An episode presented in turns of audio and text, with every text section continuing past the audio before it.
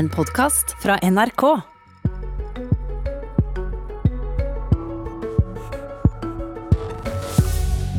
Når vi etter hvert kan eh, lempe på smitteverntiltakene, ta dem ned, så må vi også redusere oljepengebruken. Men gammel kjærlighet ruster raskt, for regjeringens budsjettpartner protesterer. Nei, Det å investere for å redde arbeidsplasser, bygge landet, det mener jeg at vi skal gjøre. Og så skal vi slutte å sløse. Sier hun som har skrevet under på all sløsing siden 2013. Ja, regjeringen er i Hurdal på dag to for å lage statsbudsjett. Hvor mye skal skole, jernbane og sykehus få neste år? Hvem skal få mer penger? Skal noen få mindre? Politisk kommentator i NRK Lars Nehru Sand, god morgen. God morgen.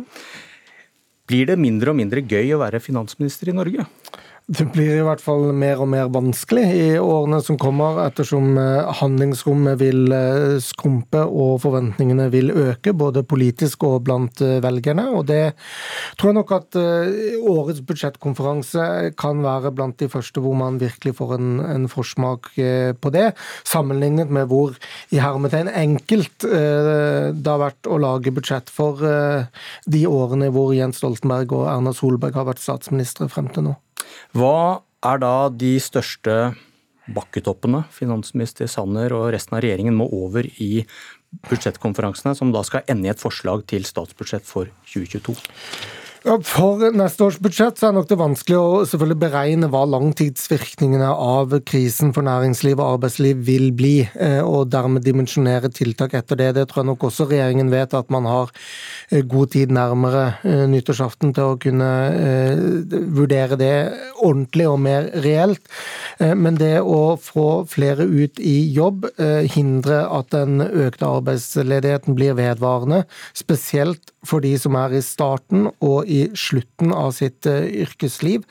Uh, det blir veldig viktig for regjeringen å få til. Og så er det ingen hemmelighet at, uh, at alle partiene selvfølgelig vil finne handlingsrom til mest mulig av sine hjertesaker. Og det gjør at man kanskje må kutte på noen ting for å skape det handlingsrommet, og ikke kan vente seg økt skatteinngang eller mer oljepenger som, som, ofte har kommet litt enkelt til på disse budsjettkonferansene.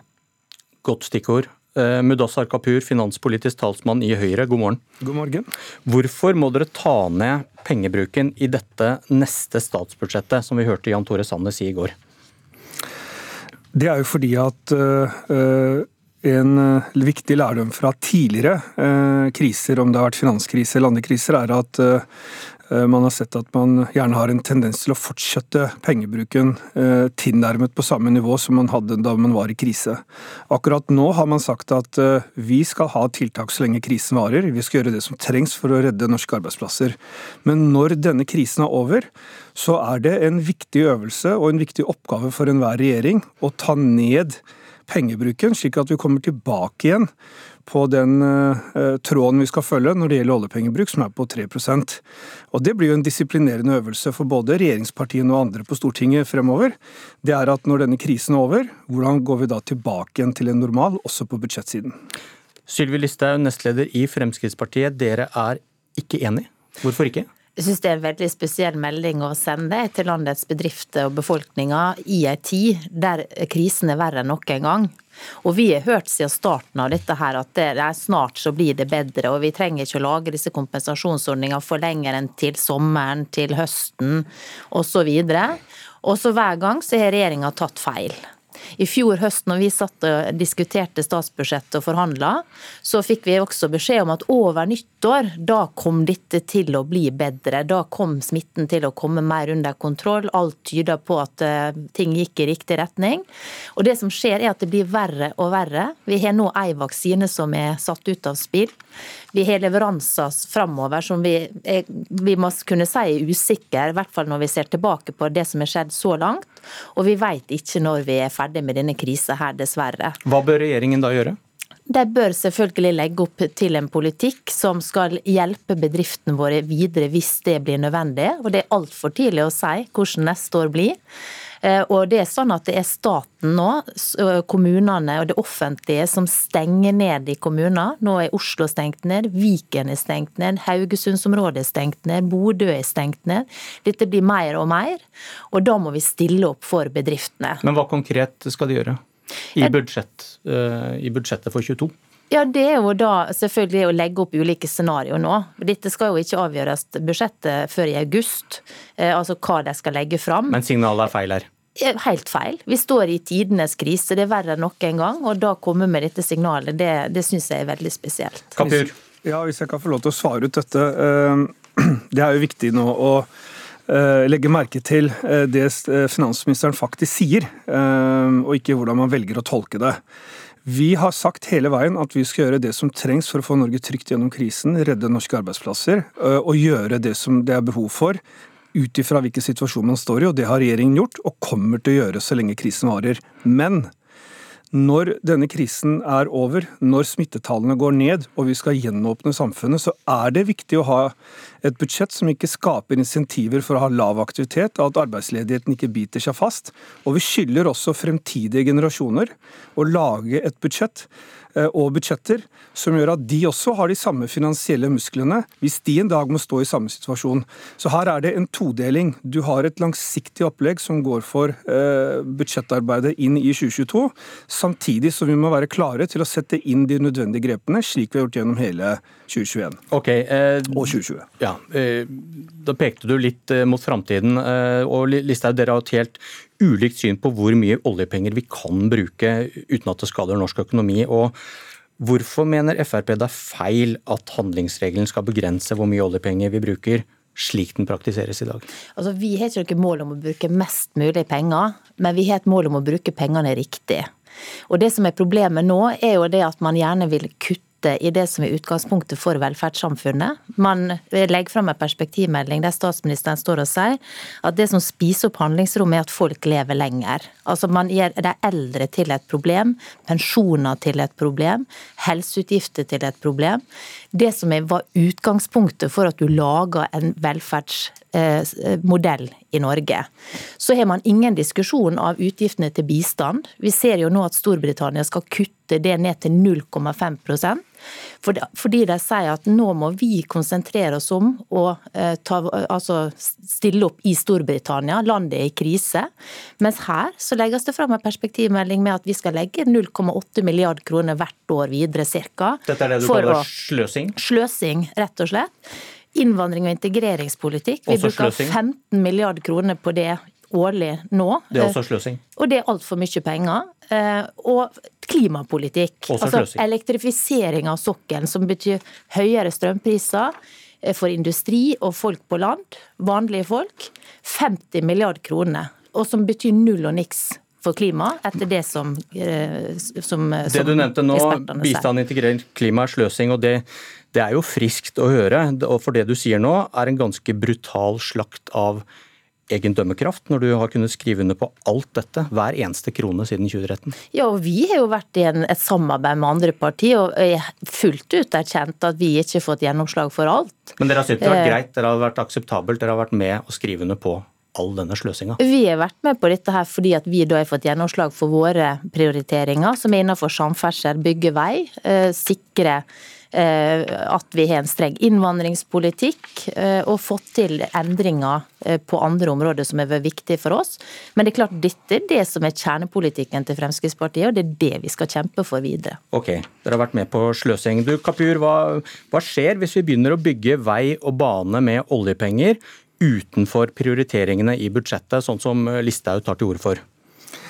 Jeg mener at uh, vi skylder neste generasjon uh, å følge den handlingsregelen som, uh, som Stortinget og det store, brede laget av politiske Norge er enige om. Og så har man jo sagt at man må se på hvordan man bruker disse oljepengene, slik at vi bygger Norge for fremtida.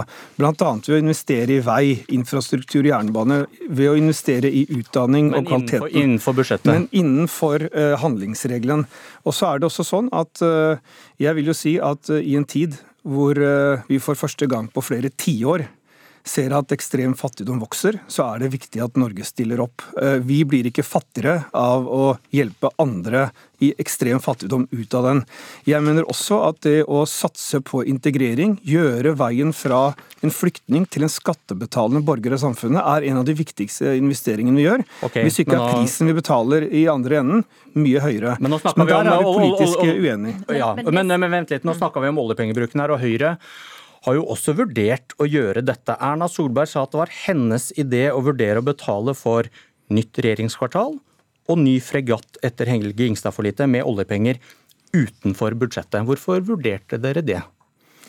Eh, jeg kan ikke gå inn i hvorfor den vurderingen ble gjort fra eh, Erna Solberg, men eh, det, det, det, det var, en, var, en, vurdering som, som, ble gjort den gang, og som man ikke uh, gikk videre med. Men det, du, som er, det, som er viktig for oss det, var vel at det var dyrt og vanskelig å prioritere dette innenfor ordinære budsjetter, da.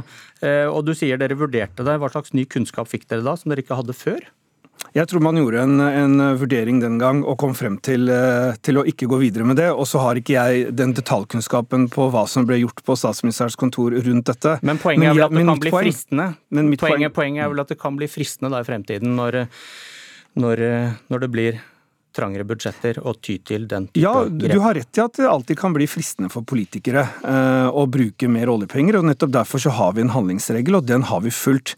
Jeg må minne om at eh, det var vår regjering som eh, tok ned eh, prosentsatsen fra fire til tre. Vi har fulgt handlingsregelen gjennom alle våre budsjetter.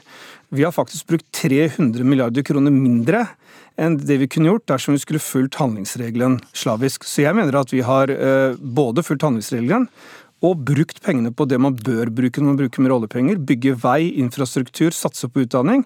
Samtidig som vi også nå i en krise har valgt å bruke mer penger enn det den prosentsatsen okay. tilsier. Det er også en del av handlingsregelen. Listhaug, fredag kommer Nasjonal transportplan på ja, sikkert godt over 1000 milliarder denne gangen også.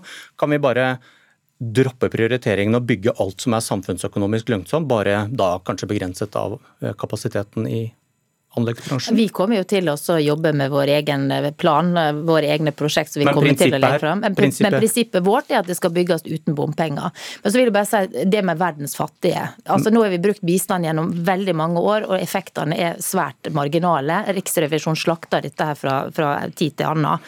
Samtidig så har vi altså ikke råd til å gi medisiner til syke folk her i landet som er på markedet, som kan gjøre at de slipper å bli blind, som kan okay. forlenge livet deres. Og det er disse prioriteringene som er fullstendig gale. Greit. At vi på den ene sida sier at vi skal bare pøse ut penger på bistand, og det skal ikke være en diskusjon når det gjelder prioriteringer, men vi har ikke råd til f.eks. å ta i bruk ny medisin og teknologi, men overlate folk til innsamlingsaksjoner og lommebøkene Og da eh, var vi over på noe annet enn pengebruk, og da setter jeg heller ordet over til Lars Nehru Sand igjen. Du, hvor lenge holder demningen, handlingsregelen, når eh, eldrebølgen skyller over oss og magre år står foran oss? Ja, det blir jo en av disiplineringsøvene for fremtidens politikere å klare det eh, presset som nok vil bli på eh, økt velferd og økt eh, pengebruk, ønsket om det. Og når man skal komme i en sånn økonomisk situasjon, så vil det jo være en diskusjon uansett hva man gjør med inntektene, øke de, eller bruke mindre utgifter. Er det bare Frp som har disse tankene i norsk politikk? Det er Frp som i hvert fall tydeligst over lengst tid, også før de gikk inn i Solberg-regjeringen, har ønsket seg en helt ny handlingsregel. På motsatt side har du en sentralbanksjef som ønsker at 3 eh, %-banen skal ned, og, og, begynner å eh, så tanken om at det kanskje bør være to. Én ting er jo hvor mye eller lite av sparekontoen du bruker, men hvis du måler det på en annen måte, nemlig hvor mye av budsjettet ditt år for år handler om at du tar på sparekontoen din, så vil du jo kunne se at norsk politikk er ganske avhengig av oljefondet og inntektene derfra for å få det årlige statsbudsjettet til å gå opp. Hvor lett blir det da å forklare velgerne at vi må kutte i budsjettet, når vi samtidig har verdens største lommebok? Det er jo en ekstrem pedagogisk øvelse, og det vil nok også bli for uh, fremtidige generasjoner når de er vant til et velferdsnivå og, uh, og en politisk uh, klima- og pengebruk tilpassa en, en, tid vi har vært i nå i, i noen tiår, men som ikke nødvendigvis vil fortsette sånn i tiårene som kommer. Det kan kanskje være velgere å hente for Listhaug her, eller? Det er det nok. Det er det nok. Takk, Lars Nehru Sand. Dette var Politisk kvarter. Jeg heter Bjørn Myklebust.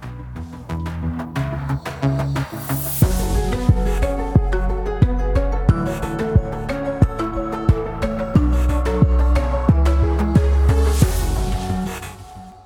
har hørt en podkast fra NRK. Hør flere podkaster og din NRK-kanal i appen NRK Radio.